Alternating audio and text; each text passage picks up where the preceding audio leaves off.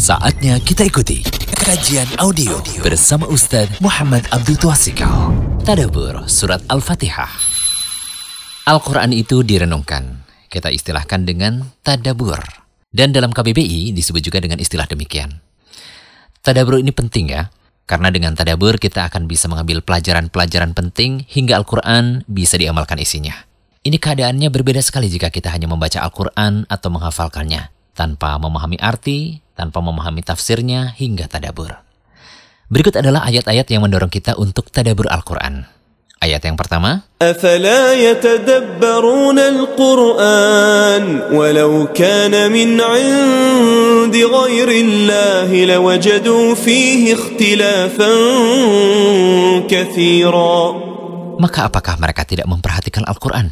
Kalau kiranya Al-Quran itu bukan dari sisi Allah, tentulah mereka mendapat pertentangan yang banyak di dalamnya. Quran Surat An-Nisa ayat 82. Kemudian ayat kedua, Kitabun anzalnahu ilayka mubarakun liyadabbaru ayatihi waliyatadhakkara ulul albab. Ini adalah sebuah kitab yang kami turunkan kepadamu penuh dengan berkah supaya mereka memperhatikan ayat-ayatnya dan supaya mendapat pelajaran orang-orang yang mempunyai fikiran. Quran Surat Suat ayat 29. Kemudian ayat ketiga, أفلا يتدبرون القرآن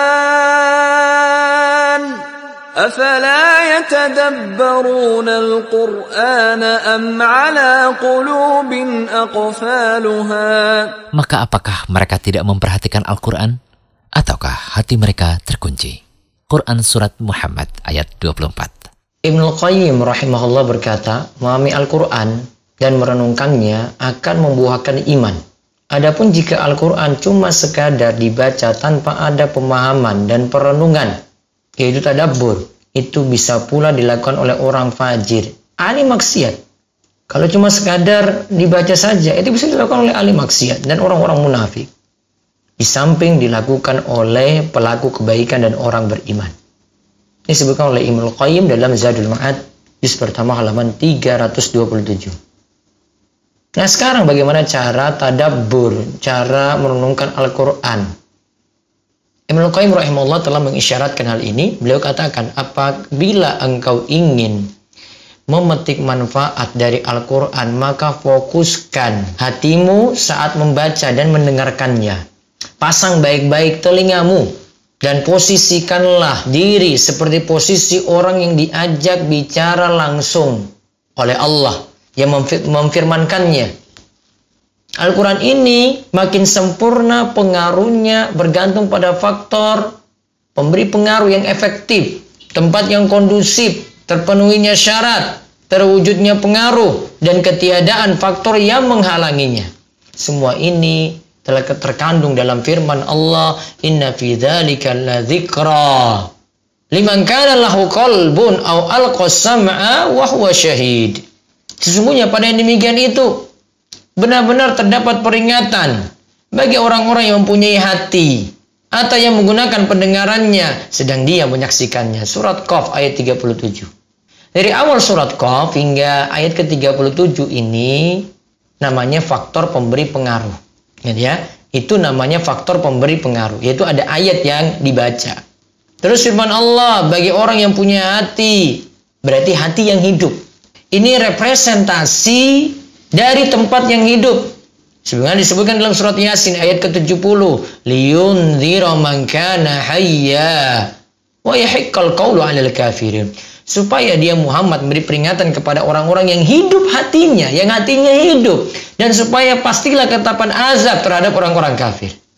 Firman-Nya pula atau yang menggunakan pendengarannya, maksudnya mengarahkan pendengarannya dan memasang indera, indera dengarnya pada apa yang diucapkan padanya.